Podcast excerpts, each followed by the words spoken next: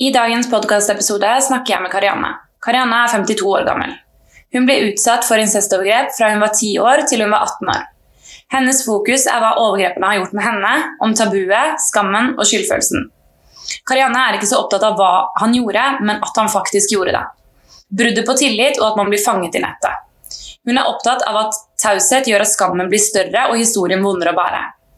Det er viktig å ta tilbake livet sitt og ikke bli offerrollen. Men man kan velge å jobbe seg gjennom det og bearbeide det. For livet er godt også. Man kan velge det gode. Man kan lære seg andre måter å bære bagasjen sin på. Da kan du begynne å fortelle litt om deg og hvem du er. Ja. Jeg er Karianne, mm -hmm. 52 år mm -hmm. og trebarnsmor. Ja. De er voksne nå. Tre voksne sønner. Mm. Jeg er utdanna barnevernspedagog og har jobbet mange år innenfor psykisk helse. Akutt, uh, akutt institusjon for barn og veiledning opp imot familier som strever med noe. Um, og så har jeg da gitt ut en bok. Den ga jeg ut i januar 2019. Ja. Det er en roman som heter 'Jenta i den gule kjolen'. Og den boka den ble til i min bearbeiding av egen barndomshistorie. Mm. Så uh, historien handler egentlig om deg, men du har valgt å eh, anonymisere anonymisere det, på en måte? Ja. Mm. Altså jeg, eh, når jeg begynte å skrive bok, så var det jo ikke meninga at det skulle bli bok i det hele tatt. Nei. Jeg eh, skrev for å bearbeide min forhistorie mm. som et redskap for meg sjøl for å bli bedre. Ja. Uh, og underveis i den prosessen så fikk jeg da ideen om at kanskje dette kunne bli en bok mm. for å hjelpe andre som hadde vært utsatt for, for lignende ting. Mm. mm. Men uh, da beskriver du jo sånn som uh, at skriving har vært en del av uh, din bearbeidelse. Mm. hva annet på veien er det um, du har gjort for deg, på en måte, i, og for å stå i din historie? Ja, altså jeg, For å stå i min historie Jeg har jo på en måte valgt da, i veldig mange år å ikke stå i den historien. Mm. Ikke sant? Eh, og det var jo derfor eh, denne historien kom tilbake så voldsomt for meg når jeg var godt voksen. Mm. Eh, jeg fortalte historien min første gang jeg var 18 år. Eh, da hadde overgrepene pågått i, i eh, åtte år. Mm. Men på den tiden, da, jeg er jo 52 år, så var dette et tema som ikke ble snakket om i det hele tatt. Um, folk visste jo knapt hva det var. Sånn at det var veldig taushetsbelagt. Det var ingen som snakket om det. Um, og min strategi for å klare da, å leve med den heslige historien, som ikke noen snakket om, det var jo å legge den, ja, legge den vekk, putte den i, i, ryggsekken. Og så bestemte jeg meg for at jeg skulle være innmari lykkelig. Ja. Så jeg brukte, brukte, hele mitt voksne liv på å være lykkelig og ignorere den bagasjen som hang bak på ryggen der. Mm. Uh, til det smalt, da når jeg var godt voksen, hvor jeg ble veldig, veldig syk. Mm. Eh, trodde jeg var hjertesyk. Hadde faktisk eh, skikkelig symptomer på hjertesykdom. Og legen eh, sendte meg til full utredning. Ja. Og så var det ikke det. Det var faktisk da min, eh, min barndomshistorie som kom tilbake med full styrke. Så det jeg hadde kjent på en måte som, som hjertesykdom, det var rett og slett Ja, det var panikkangst ikke ja. sant? Som, som, gjorde at jeg nesten ikke fikk puste, og som det stramma seg rundt brystet på meg. Mm. Så den, eh, den hjertesykdommen, altså diagnosen ble gjort om da, til posttraumatisk stresslidelse istedenfor. Ja. ja. Mm. Nei, det, er, eh, det er faktisk flere jeg har hørt si det, at eh, de har fått eller hatt symptomer på eh, altså rett og slett fysiske mm. og medisinske sykdommer. Ja. Eh, men så er det egentlig eh, det psykiske og gamle mønsteret som innhenter de. Mm. Um, og Derfor syns jeg det er så fint at du, du, sier det. Og det er jo på en måte litt uh, morsomt, men også bra at man på en måte finner ut av, finner ut av hva det er. Mm. Men um, når du sier at det innhenta ditt voksne liv, mm. um, var det noe annet du merket det på enn på en måte de fysiske plagene? Fordi da tenkte jeg på at Det er jo en ganske stor sprik fra å prøve å leve så lykkelig som mulig, eh, og plutselig kjenne at man har plager på kroppen. på en måte. Altså, skjedde det noe med hodet ditt underveis, eller skjedde det først etterpå? Nei, altså det skjedde jo på en måte Dette skjedde jo gradvis, ikke sant. Fordi Mm. at jeg hadde For å på en måte legge vekk den historien, så hadde jeg fylt livet med veldig mye travelhet. Ja. Og så kommer det til et punkt da, hvor man ikke har det så travelt lenger. Når ungene begynte å bli store og ikke trengte meg så veldig mye. Mm. Eh, Jeg var gjennom en skilsmisse og ble alene, så plutselig så fikk jeg en del alenetid. Mm. Og da har du jo sjanse til å tenke, og da har du faktisk sjanse til å kjenne på det som egentlig har ligget der hele tiden, det som er inni deg. Mm.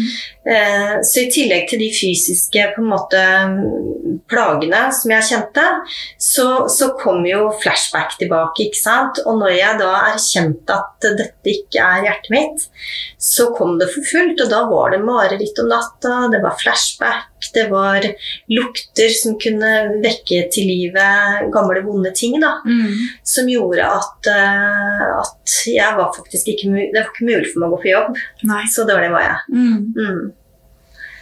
Men hva var det som på en måte da fikk deg til at eh, ok, shit, nå må jeg, liksom, nå må jeg faktisk gjøre noe med dette her, liksom? I og med at du hadde valgt å undergrave og flykte Ja. eh, en gang tidligere, som var, og det er jo veldig selvfølgelig når man ikke blir møtt, sant? at Mhm. ikke noen eh, tar det videre, men eh, For det må jo ha vært en enormt I hvert fall når man også er så syk, da. Mm. Eh, belastningsmessig, liksom. Ja. Altså, jeg tenkte at nå altså, jeg, tenkte, jeg har jo jobba innmari mye med traumeutsatte barn, Mm. unge og voksne. Eh, og har jo på en måte eh, hjulpet dem til å jobbe med sine historier for å komme videre og for å få et bra liv. Så jeg kom vel til en erkjennelse at nå kan ikke jeg hjelpe flere hvis ikke jeg hjelper meg selv først. Ja. Ja. Ehm, og så hadde jeg eh, fått meg på den tiden en kjæreste som aksepterte på en måte den vonde siden òg. Ikke bare den lykkelige Karianne, Mm. men også den som var ulykkelig. Mm. Og at det var rom for det. Det var rom for å ha både sorgen over den barndommen Mm. eh, og ha gleden i livet. Ehm, og jeg hadde det så vondt inni meg, jeg hadde så mye vonde tanker jeg hadde så mye vonde følelser at jeg visste sånn, jeg kan ikke være i dette. Jeg må jobbe med meg sjøl for å komme ut av det. Mm. Og da var en av mine verktøy det var jo skriveprosessen. Mm. Når, jeg, når marerittene var som verst, så sto jeg opp og så skrev jeg det av meg. på en måte da. Yeah. Det samme gjorde jeg med flashbackene. Eh, jeg samtidig til en psykomotorisk behandler. Mm. I og med at mitt, mitt hadde satt seg så veldig i kroppen, Mm. så måtte jeg jobbe med pusten. ikke sant? Eh, Hver gang jeg ikke fikk puste, yeah. så var det jo angsten. Eh, Å jobbe, jobbe med det sammen med henne. Mm. Og så hadde jeg jo, ikke sant, jeg hadde jo veldig støtte, og det har jeg hatt bestandig veldig støtte i min familie. Mm. Det var ikke en i familien som forgrep seg på meg, det Mm. var en nabo Ja. som jeg hadde en nær relasjon til. Mm. Sånn at jeg har jo hele tiden hatt både mine barn og min, mine søsken som et sånn støtteapparat rundt meg. da. Selv om vi ikke har snakket om tingene, så har de vært der for meg. Mm. Eh, og med denne nye kjæresten som, som på en måte har vært mine bærende hender, Mm. eh, så ønsket jeg på en måte å leve et liv hvor jeg kunne kjenne at jeg var mer levende. da. Ja. Jeg føl, følte på en måte at jeg hadde hatt, eh, levd i et sånt vakuum. Jeg hadde gjort masse, ikke sant? jeg hadde utdanna meg, jeg hadde fått barn, og alt mulig, men jeg levde i et sånt litt vakuum.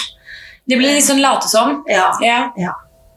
For det, det vonde skulle ikke få lov til å komme til overflaten. Jeg skulle være lykkelig, jeg skulle ha det bra. Mine barn skulle ha det bra. ikke sant? Mm. Og jeg visste jo ikke sant, at folk eh, likte veldig godt den glade, muntre Karianne. Ja, det er, og det er jo en naturlig ting å tenke òg, sant? Mm. Det er, eh, men det er, det er ganske, det er, alt du sier er veldig gjenkjennbart, selv om på en måte eh, situasjonene våre er forskjellige. Og altså alt det eh, altså Tanker, refleksjoner og prosessen er jo uansett veldig veldig lik og veldig gjenkjennbar. Mm. Men um, du, fordi du sa at du hadde liksom ett verktøy. eh, er det andre ting, sånn som f.eks. i nåtid, eller når du var ferdig med å gi ut denne boken? Er det andre verktøy du har tatt i bruk som du tenker at det eh, kan være nyttig for andre å vite om? Jeg tenker jo at man må gi hodet sitt og følelsene sine litt friminutt, da. Mm. At man må fylle på med de tingene som er gode for deg. Mm. Eh, fordi at hvis ikke så blir man jo småsprø hvis dette skal surre og gå opp i hodet hele tiden. Så jeg har jo liksom lagt fokus på å gå turer, f.eks., som jeg er veldig glad i. Lese gode bøker. Mm. Gå på oss kino, f.eks. ut og spise middag for å ha pausetid og gjøre noe som er hyggelig. Mm. Eh, og så har det, har det liksom hjulpet Én ting var den skriveprosessen. Eh, når jeg hadde skrevet boka, så hadde jeg jo egentlig ikke tenkt til at jeg skulle fortelle at dette var med bakgrunn i min historie. Nei. Eh, så bestemte jeg meg på et tidspunkt at jeg skulle det allikevel, fordi at jeg vet at hvis noen på en måte den gangen som jeg fortalte det første gang, Mm. hvis jeg hadde visst om noen der ute som hadde lignende historier, og som kunne vært en støtt, støtt for meg, Mm. så hadde det vært lettere. Ja. Så derfor så bestemte jeg meg for at jeg, jeg skal gi ut boka og fortelle at det er med bakgrunn i min historie. Mm. Og så ble det veldig mye sånn publisitet rundt det. Jeg ble intervjua av fagbladet vårt, Fontene, og jeg ble intervjua av eh, Dagbladet i magasinet. Og så tenkte jeg at ok, eh, jeg vil gjerne formidle dette også til fagfolk og de som er i kontakt Mm. med folk som har vært utsatt for et eller annet form for traume. Mm. Fordi at jeg opplevde så veldig at, eh, at de ikke forsto hva det innebar. da. Mm. I møte med hjelpeapparat og i møte med rettsvesen så opplevde jeg at de ikke forsto hva dette gjør med mennesker. Og dermed så ble det også viktig for meg. Mm. Og disse tingene har på en måte hjulpet meg. da. Yeah. Dessverre etter verktøy, men det har på en måte vært verktøy for at jeg også blir friskere når jeg tør å være åpen med min historie og snakke om den. ja. Det var egentlig det jeg ville fram til. Mm. skjønner du? Ja. Nei, for um, jeg tror også veldig på den der at man kan ikke helbrede ting uten å eh, kunne faktisk klare å erkjenne og anerkjenne og sette ord på det som bor inni. da. Mm. Eh, men også eh, kanskje noen ganger føle at man gjør noe som er litt større enn seg selv. At man også gjør det for, for da blir det at man får jo egentlig en liten pause selv når man egentlig legger det over til at man kan hjelpe andre òg. Ja. Eh, og det tror jeg er en veldig fin del av den eh, bearbeidelsesprosessen. da Mm. i, i aller høyeste grad. Men um, i forhold til uh, dette her med For det er jo et enormt tillitsbrudd, som ehm, vi også snakket om eh, tidligere. Ehm, men hvilken betydning har det hatt i ditt liv? Har du hatt problemer med sånn relasjoner, eh, å stole på folk? Ehm, Det er jo som du sier et veldig stort tillitsbrudd. ikke sant? Det at noen du er veldig glad i, og som du har tillit til, og som egentlig behandler deg som en prinsesse innimellom, mm, uh, utsetter deg for overgrep. Eh, jeg har vel hatt det, det har påvirket meg på den måten at jeg har gått med en sånn grunnleggende tanke om at eh, hvis folk skal like meg, så må, må det bare være den fine, morsomme, glade Karianne. da. mm, Ikke sant? Sånn at jeg har på en måte lagt bånd på meg på alt det som ikke er bra. Ja. Og så har jeg gått rundt og kanskje pleasa folk veldig for at de skal faktisk være glad i meg. ja. Eh, og det er jo noe med at eh, denne overgriperen min, han sa jo til meg at det er jo ingen som kan elske deg, Karianne, fordi at du er ikke ren. Og menn vil ha en ren kvinne. Ikke sant? Det er ingen som, Hvis noen får vite det du har vært med på, så vil de ikke ha noe med deg å gjøre. Så det er klart at, at det har jeg båret med meg da, Mm, et, et helt liv. Um, og når jeg fikk meg ny kjæreste, f.eks., så Og han Vi ble jo ikke kjærester før etter at han fikk vite min historie. For det første så trodde jeg jo at hvis han fikk vite min historie, så ville han jo ikke ha med meg å gjøre. ja. Mm, Eh, Men når han da fikk vite det og valgte å være min kjæreste og valgte å bli, så har det ligget en utrygghet veldig lenge med at er han sammen med meg fordi han syns synd på meg? ja. Ikke sant? Så Men det, er jo egentlig det gjør noe med, med tryggheten din på andre mennesker. Mm. Men eh, tenker du også at det kan handle om at du eh, som i hvert fall barn da, kanskje har også tenkt at du ikke er god nok? At man kan knytte det sammen med det? Ja, altså jeg Som barn så, så tenkte jo jeg når, når disse overgrepene pågikk, så tenkte jo jeg at jeg var med på det. Ikke sant? Og da var jeg med på noe som var fryktelig stygt og heslig. Og da ble jo ikke jeg et godt barn. Skjønner du? Skjønner veldig godt om det. Ja. Ja. Sånn at eh, jeg har vel alltid hatt et bilde på meg at jeg, at, at jeg er noe som ikke er god nok, da. Ja. Eh, veldig, veldig mye i mitt voksne liv har jeg tenkt sånn. Jeg tenker ikke så mye sånn lenger. Nei. Eh, men jeg kjenner jo fortsatt på etterdønningene. Eh, F.eks. dette med skammen. At, eh, at det fortsatt ligger en sånn skamfølelse der. Mm.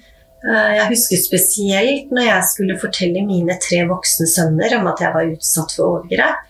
Ja, for de visste ikke det før de var voksne. Nei, fordi at, Og så skrev jeg jo denne boka, Mm. og så skulle jo den boka utgis. Og da kunne jeg ikke drive ut i en bok Uten å fortelle uten å ha fortalt det til dem. mm.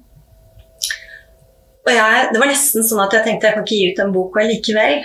Ja. Så sterkt var den skamfølelsen. Mm. Uh, og jeg tenkte hva i all verden skal de tro om meg nå? Mm. Hvordan vil de tenke om meg? Vil relasjonen endre seg? Mm. Så gjorde den jo ikke det, da. Nei, selvfølgelig ikke. Nei, Bortsett fra at den har blitt enda bedre, for den er blitt nærere. Ja. Ja. Men det også er jo vanskelig å se sant, når man er midt oppi sine egne følelser og sitt eget kaos og hysteri. Da, så Mm. tror man jo også ofte at eh, man tenker veldig mye konsekvenser i den negative retningen, men egentlig så får det ofte, i hvert fall har jeg erfart selv, at det blir jo egentlig Jeg har bare fått en hel haug med positive konsekvenser Mm. av å være åpen, av å være ærlig med meg selv og andre. og eh, dele, da. Mm. Eh, og jeg tenkte spesielt når jeg ga ut den boken, for min bok er jo ingen roman. Det er jo egentlig en ren, skjær råtekst fra dagbøker og mine tanker og mine refleksjoner, og fra virkelig start til slutt, da. Ja. Eh, og når jeg fikk den boka i en pall på døra, der hvor det sto 1000 bøker, da tenkte jeg nei, nå angrer jeg. Nei, nei, nei, vi gjør ikke dette her, liksom. Det kan kjøres tilbake. Liksom. Dette gjør vi ikke. Um, og så begynte jeg å spørre meg selv liksom, men hva handler dette her egentlig om. Og det jeg kom til da, er at ok, men nå kommer jeg til å få et stempel i panna, og det har jeg der. Mm.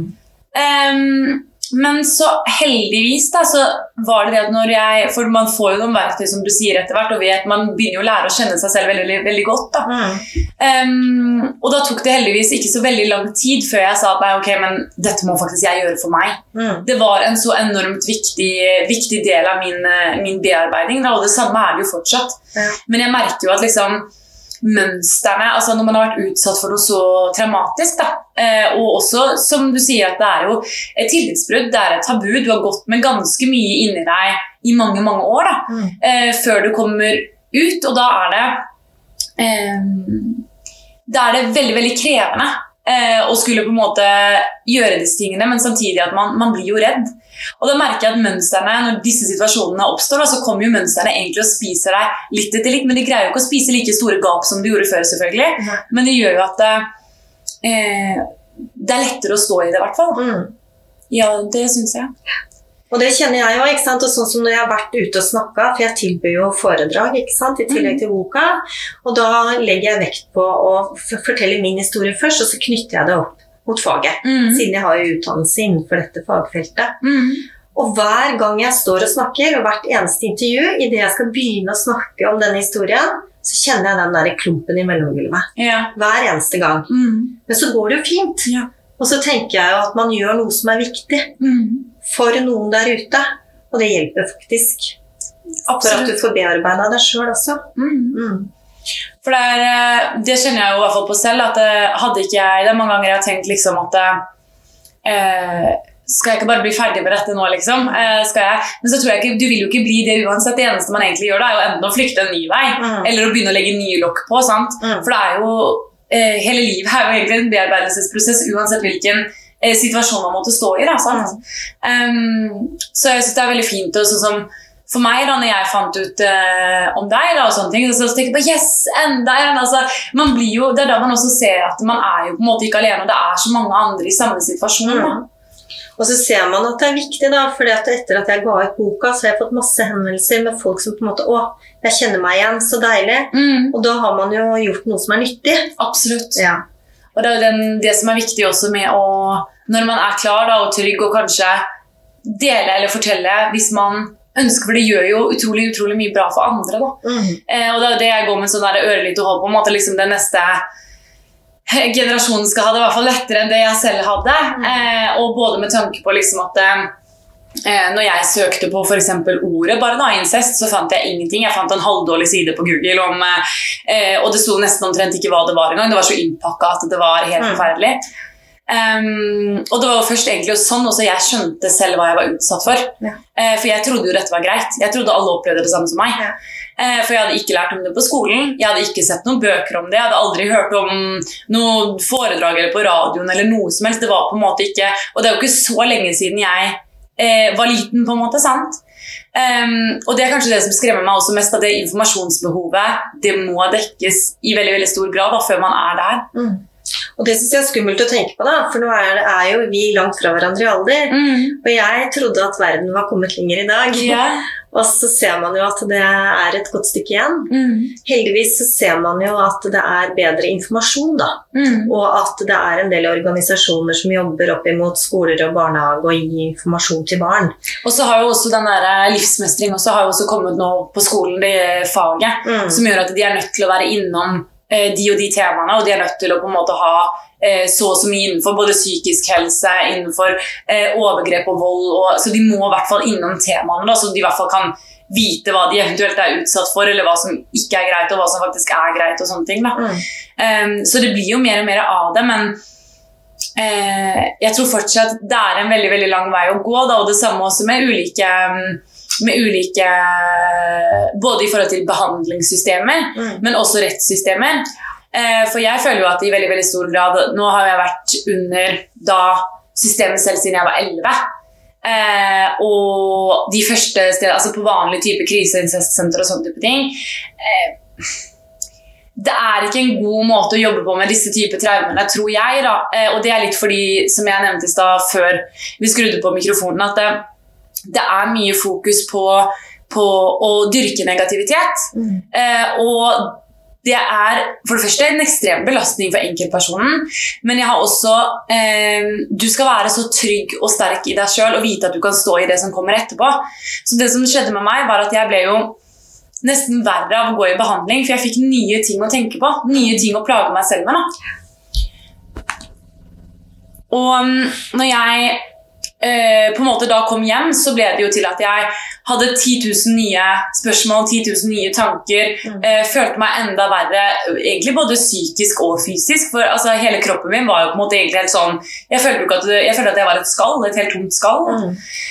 Um, og da tror jeg også veien blir vanskeligere når man blir møtt av et sånt system. Da, fordi du, hvem, hvem skal hjelpe deg da? Ikke sant? Det er jo ingen i, som verken på en måte forstår eller Og det endte jo med at det gikk så langt som at jeg begynte jo ikke i psykoterapi før jeg var 20. Eh, og det er jo ti år senere enn hva som egentlig kunne vært tatt tak i. ikke sant? Eh, og så var jeg også gjennom en rettssak og syns det er veldig veldig viktig å være en del av statistikken og eh, rope at eh, vi trenger mer informasjon og mer eh, bistand og mer penger til å kunne gjøre noe med disse tingene. Mm. Eh, men det heller er jo ikke en veldig menneskelig prosess. Det er ingen som ivaretar offeret der. sant? Finnes ikke. Og nå var det jo kjempelenge siden jeg var i en rettssal, på en måte. Men jeg opplevde jo også den gangen at, at man ble mistenkeliggjort, da. Altså det ble satt spørsmålstegn ved din troverdighet. Mm. Eh, og eh, spørsmål som Hvorfor gikk du dit?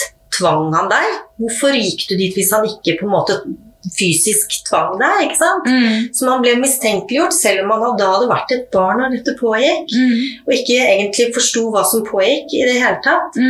Ehm, du kunne jo bare sagt nei, Mm. ikke sant? Og dette er litt holdningen fortsatt i dag, er mitt inntrykk. Mm. Og at man ikke sitter med god nok kompetanse eh, i rettssystemet, men heller ikke sitter man med god nok kompetanse generelt i samfunnet vårt. Mm. Fordi at, eh, at, at folk syns også det er så ubehagelig da, å ta i. Så, så når eh, Altså Jeg vet jo selv, da, fra jeg har jobba veldig mye med barn som har vært utsatt for traumer, både overgrep og vold. Mm. Eh, og når den store hemmeligheten kommer fra barn, så er det ubehagelig Mm. for oss voksne. Eh, og det tror jeg gjør at man ikke tør å ta tak i det. da. Mm. Veldig mange da snur dem heller ryggen til, Mm. for at det er så fryktelig ubehagelig. Og det er ubehagelig. Men jeg tror ikke det vil bli noe bedre i dette samfunnet hvis man ikke tør å ta tak i det. da. Nei, og så er det noe med ikke hele tiden drive og sørge for sin egen behagelighet. Mm. Eh, det har jeg litt troen på. at man, eh, Og det er faktisk en menneskerettighet at barn skal være trygge.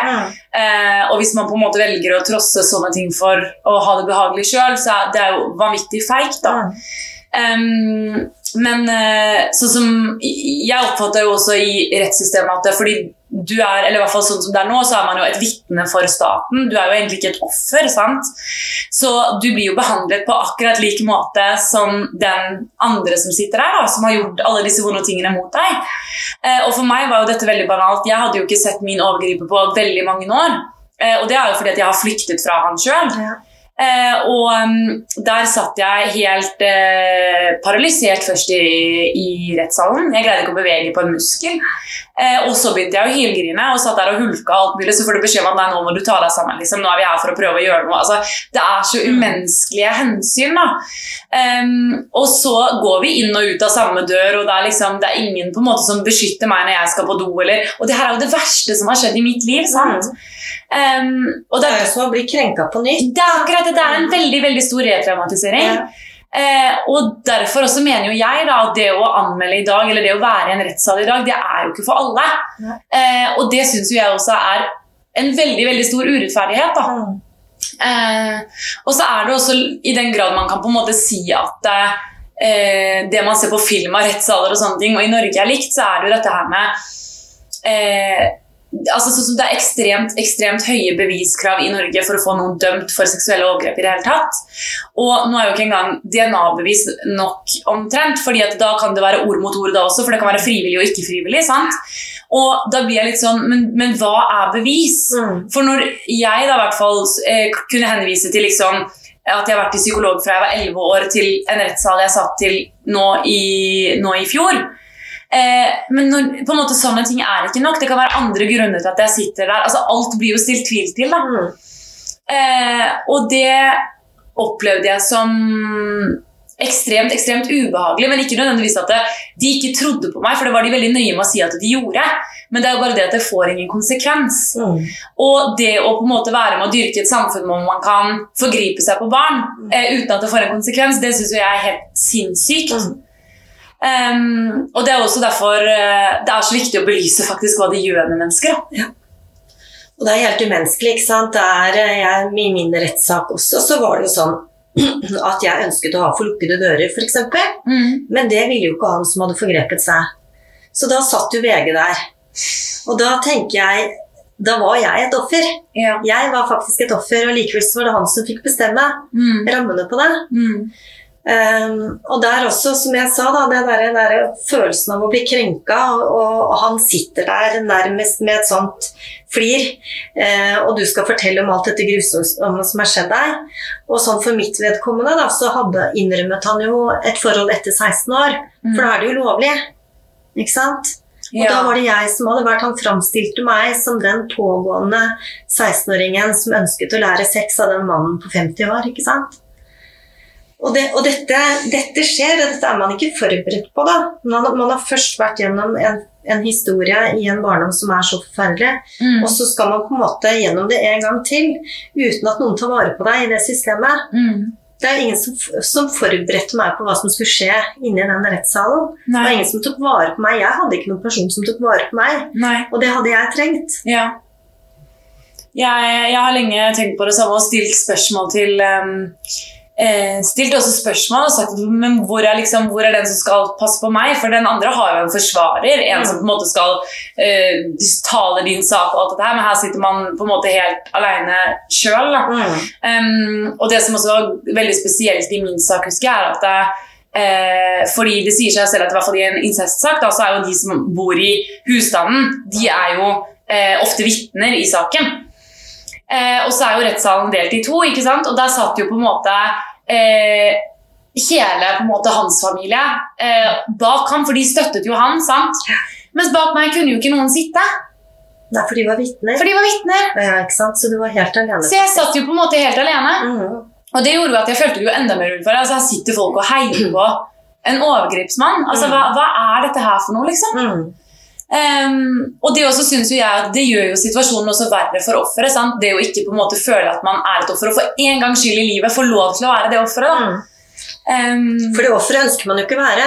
nei. Ikke? Og det er én ting, man skal få lov til å være offeret, som du sier, i den rettssalen. Mm. tenker jeg, For da er du faktisk der som et offer. Mm. Og så må vi få hjelp etterpå til å komme ut av den offerrollen. Mm. Eh, For den, eh, det at det er så tabubelagt, det at man føler den skammen og skylden, gjør jo at man blir gående i den offerrollen. Og det er jeg så opptatt av at man må komme ut av. Mm. Og det er faktisk håp om å komme ut av det. Mm. Man, man må velge å komme ut av det. Mm. Og ta den jobben det er å jobbe seg gjennom alle de traumene, traumene man bærer på. Da. Ja. Eh, man kan bære med seg tung bagasje på ulike måter. Mm. Man kan liksom la den styre og være så veldig tung, eller man kan velge å ta litt pauser fra den innimellom eksempel, og sette den fra seg. Mm. Eh, og på en måte ta tak i det som er godt i livet ditt. Da. Mm. For livet er jo ikke bare vondt eller Nei. bare godt. Det er begge deler. Det er begge deler. Og i bunn og grunn så handler jo egentlig alt om å lære seg å leve med det på et eller annet vis. Mm. Eh, og det er jo der jeg er så opptatt av at det finnes jo, hadde det funnet, fantes en oppskrift for dette her, Mm. så hadde jo alle gjort den. Mm. Um, men det finnes jo på en måte flere veier til rom, og det er det som er riktig for meg, trenger jo ikke å ha vært riktig for andre, eller um, motsatt for den del. Uh, men jeg tror også litt grann på dette her med, som du sier, at eh, man kan være i offerrollen eh, lite grann, men man må ikke bli der. Eh, da må man på en måte anerkjenne og erkjenne både følelsene som hører med, men også hva man faktisk har blitt utsatt for. Da. Eh, og da har jeg litt troen på at man kanskje klarer å se det fra et litt mer utenforstående perspektiv. Mm. At du faktisk klarer å ta et steg ut av deg selv og nesten se på deg selv. Mm. Um, og det er jo dit jeg så gjerne vil at eh, mange skal komme, men jeg tror liksom sånn som jeg oppfatter det, da, at det er mange ting rundt. Dessverre også at samfunnet møter deg jo ikke på den måten som kanskje er ønskelig, og spesielt da for barn. Mm. Um, for sånn som i og med at min sak ikke for ble tatt opp til rettssystemet da, før i fjor, Mm. eh, så hadde det jo gått veldig mange år, og da hadde jeg jo selv et barn. Eh, jeg hadde en samboer, jeg hadde faktisk ting i livet til å ta meg imot. Mm. Mens når man er et barn, så har man ikke det. Nei. Og ja, man har jo venner, og alt mulig sånne ting, men det er jo ikke på samme måte. Og det gjør jo at det, jeg tror fallhøyden og sånn blir ekstremt mye større. da. Mm. Så det viser jo på en måte viktighetsgraden av dette her å øhm, tørre, da. Mm. Det er så viktig det du sier, det der med, med hvordan at det er ikke noe oppskrift. Og det er det virkelig ikke. Jeg har fått noen spørsmål av og til når jeg har snakket om det der å komme ut av denne negative sirkelen. da. Mm. Eh, fordi at, eh, at man har gjerne en tendens til å bli i denne offerrollen og spinne rundt med alle de destruktive tankene og ikke ta vare på seg selv. Mm. Og så er det mange som har spurt meg hvordan skal man klare da, ikke sant, å komme ut av det. Hva, hva gjør man? Men det er ikke noe oppskrift. Nei. Det eneste jeg kan si er at alle har en kraft inni seg selv Mm. til å kunne ta tak i det. Når jeg på en måte har klart å bli frisk, som var så sjuk, Mm. hjertesyk faktisk, egentlig. ja. eller i hvert fall, det var jo, var jo noe gærent med hjertet mitt ja. I bunn og grunn, for jeg hadde veldig vondt i det hjertet fordi at jeg var så lei meg. Mm. Fordi at jeg hadde den barndommen jeg hadde. Og, og så dårlig som jeg var, nå står jeg foran folk og snakker. Jeg har skrevet en bok, jeg er i jobb, jeg, jeg, jeg fungerer, og jeg er glad i livet og har det bra. Mm. Da kan alle klare å komme ut av det, Ja. hvis man ønsker det. Du har faktisk et valg. Mm. Og jeg tror at den Jeg liker jo da å se på den livskraften som du beskriver, som håp. Ja. Eh, og det er jo det jeg ønsker å på en måte formidle med min historie. At det er alltid håp. Det, og det fins ganger hvor man absolutt ikke ser det håpet. for å si Det sånn, det, det er på en måte ikke noe lys i tunnelen. Mm. Men om det så bare er én liten stråle som kommer ut av på en måte to steiner, så må man gå etter den. da. Mm. Eh, og det håpet forandrer seg jo også fra hvor i prosessen man er. Sant? Hvor man ser den. Og det kan jo starte med sånn som jeg synes det var veldig fint det du sa i stad, med at eh, man må gjøre mer av de tingene som gjør en selv glad. Mm. For det var nettopp der jeg begynte. At eh, Jeg så ikke noe mening med livet overhodet på enkelte tidspunkt. Mm. Men jeg visste at eh, ok, jeg elska å trene. Men da gjorde jeg det, og jeg trente i hjel alt jeg kunne trene igjen, for å si det sånn. Og det var jo fordi det gjorde meg i hvert fall glad. Jeg fant en livskvalitet som gjorde at ok, shit, det er godt å leve. Mm. Eh, og det gjør jo at når du har funnet én ting, så vet du at ok, men da klarer jeg kanskje Og så var man jo kanskje sosial i tillegg på trening. sant? Mm. Så det er jo ofte sånn at ting får ringvirkninger, og det gjør jo at det håpet da, det blir jo mer og, altså Du ser jo mer og mer av det etter hvert som du går. da. Mm. Um, Og så vil det jo gå i bølger, da. ikke sant? Altså det, og det er tungt. Det er ingen som har sagt at dette er lett. nei. Det er ikke lett å komme ut av det i det hele tatt. Og man tryner opp mange ganger. Ja, det gjør man òg. Mm. Mm. Så det er, det er en vei å gå, og, man, og det er der jeg tror den viljestyrken er så, er så ekstremt viktig. Altså, jeg har også blitt spurt veldig mange ganger sånn, men hvor kom den livskraften fra? Mm. Altså når man er så, altså Hvor i alle dager fikk du Men jeg tror også det er det at jeg eh, hvert fall lot altså Jeg fant meg rett og slett ikke i Mm. at liksom overgrep var det som skulle definere mitt liv. liksom. Mm. Eh, og jo mer jeg på en måte smakte på den setningen, da, jo mer ble jeg sånn Nei, vet du meg hva. Mm. Altså dette, Og så blir det nesten sånn at du skal bevise for deg sjøl også at dette er ikke greit. Eh, og det også gjorde i hvert fall at min, min verdi for meg sjøl ble jo også ganske mye større i denne prosessen. For jeg hadde jo hele tiden gått og undertrykt meg selv. Så um, Og man gjør historien sin liten.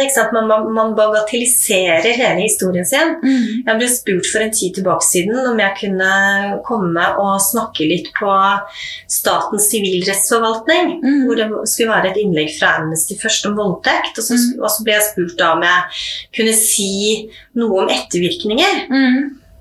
Og da du, tenkte jeg, og jeg sa det vel høyt da, ja, men jeg kan vel ikke det, for jeg har jo bare vært utsatt for seksuelle overgrep.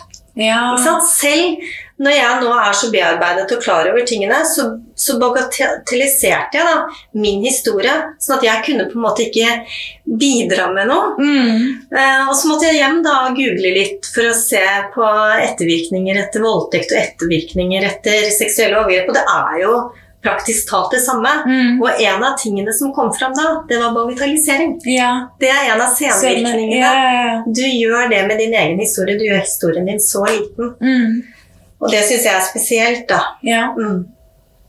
Men jeg tror også en stor del der det er jo faktisk å eh, ønske egentlig hver følelse velkommen. da. Mm. eh, og vise den følelsen kjærlighet. Det, og, så, og så trenger man ikke å gjøre så mye ut av den. Men det kan være sånn, ja, ok, nå er du her igjen, liksom. Mm. Det, er, det er greit. Mm. For da trykker man den i hvert fall ikke ned, og man gjør den ikke mindre. For det er det som ofte skjer, at for hver gang man gjør det, Mm. så er det nye lokk man legger oppå, og det begeret fyller seg mer og mer opp. sant? Og en eller annen gang så blir det for tungt, da. Mm. Nei, så jeg tror, jeg tror det er veldig, veldig viktig å, å ta tak i det. da. Absolutt. Kjenne på følelsen av å slippe taket. Mm. Mm, det lærte hun meg, hun som jeg gikk til eh, behandling hos. Ja. Hun sa det, ja, du skal kjenne på det. Kjenn på følelsen, og så slipper du taket. Mm. Mm. Og det er helt naturlig at alle disse vonde, vanskelige følelsene kommer. Absolutt. Og Og du hvis skal man også få lov til å sørge over den barndommen, men man skal ikke bli det. Nei. Nei. Og så er det noe med å tenke at det, det, går, det går over. Mm. For jeg husker at Det jeg tenkte mye på, var at dette blir jo aldri bra. Altså Det var jo år etter år etter år, og det ble jo aldri noe bra. Men bare det å også vite at det, jeg, jeg dør ikke, på en måte. Altså det, det, dette går over. Det Mm. kommer til å bli bra til slutt. da. Mm. Det å på en måte være flink til å rose og trøste seg selv. Mm. For når man sørger over noe, så er det jo gjerne at det må være en påfyll av en trøst. da. Og når man sitter med dette for seg sjøl, så er det jo ofte lurt å være din egen trøster, da, for å si det sånn.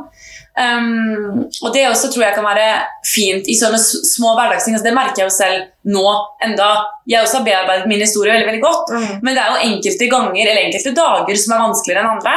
Hvor jeg kjenner at mer på enkelte ting. Da. Mm. Uh, men da er jeg veldig flink til å være sånn ok, nei, men nå var du her igjen. Det, det er greit, liksom. Uh, og jeg kan gjerne si det til meg selv høyt òg. Mm. Men bare det å gjøre seg bevisst og trøste seg selv, det også gjør at det, det føles med en gang mye bedre. Da, du er i hvert fall i stand til å gjøre de hverdagslige tingene. Mm. Eh, og da gjør du jo i hvert fall så godt du kan. Veldig morsomt at du sier det, for jeg driver sånn jeg er. ja. Og snakker veldig mye med meg selv, da. Ja. Ikke sant? Nei, det er blitt eh, det, det er av og til samboeren min også. Er det meg du snakker til, liksom? Når han er på badet, så er det sånn Nei, nei, nei, det var bare meg selv, liksom. Ja. Så, og jeg tror det er viktig, altså, for det er noe med å liksom Når man kjenner etter ting eller får en tanke, eller sånne type ting, så er det lurt å sette ord på de. Mm. Og jeg tror det er derfor også, sånn som vi som har skrevet bøker, da, får en terapi i det, fordi vi setter faktisk ord på alt Mm. som eh, både kjennes og føles på, Mm. men også noe man har opplevd, men også egne tanker. Og da blir det en veldig sånn Det er en veldig deilig prosess, egentlig. Mm. Eh, og jeg skriver jo mye enda. Eh, og gjerne også har på notater på telefonen for eksempel, at når jeg tenker på ting, så skriver jeg det for å få det liksom ut av systemet. Mm. Um, og det viser jo også hvor stor makt ord har. Mm. At det kan faktisk eh, være med både å lette og å kontrollere veldig mye. Mm. Jeg skrev brev ja, til eh, overgriperen. Han Oi. lever jo ikke lenger. Nei, Men skrev et brev for min egen del. ja, For å få sagt til han en gang for alle hva jeg mener om det han hadde gjort. ja. Og det var også en veldig sånn god, befriende følelse. Altså. Mm. Mm. Det, Så det, den det, der tror jeg på. makten i det der å skrive, det syns jeg er helt magisk. Magisk. Ja. Mm. Er det noe annet du tenker at du har lyst til å si til de som hører på? Nei, altså jeg, jeg tenker at det er viktig at folk forstår at det er håp. Mm. Samtidig som at verden og samfunnet må bli klar over hvilken belastning det er å leve i og leve etterpå Mm. med overgrep. Eh, at vi kan, kan jobbe for det, at det skal bli bedre. Mm. Eh, og da tror jeg på en måte hvis samfunnet kan klare å bli bedre på det, så er det lettere for folk å kjenne det der håpet Mm. om at eh, hvis man blir trodd og hvis man blir forstått, Mm. at det er lettere å tenke at det er At man blir møtt på en god måte. Jeg er helt enig. Men heldigvis så blir det flere og flere av oss sakte, men sikkert. da. Mm. Eh, og det også viser jo at vi er, vi er jo på vei, men vi er ikke helt der enda. Um, så jeg syns det er veldig fint at du sier det, det store overordna målet. da. Mm. Og så vil jeg bare si tusen takk for at du ville være med i podkasten og fortelle om deg og ditt. Eh, og at jeg setter veldig stor pris, pris på det. Takk for at jeg fikk komme. Jo.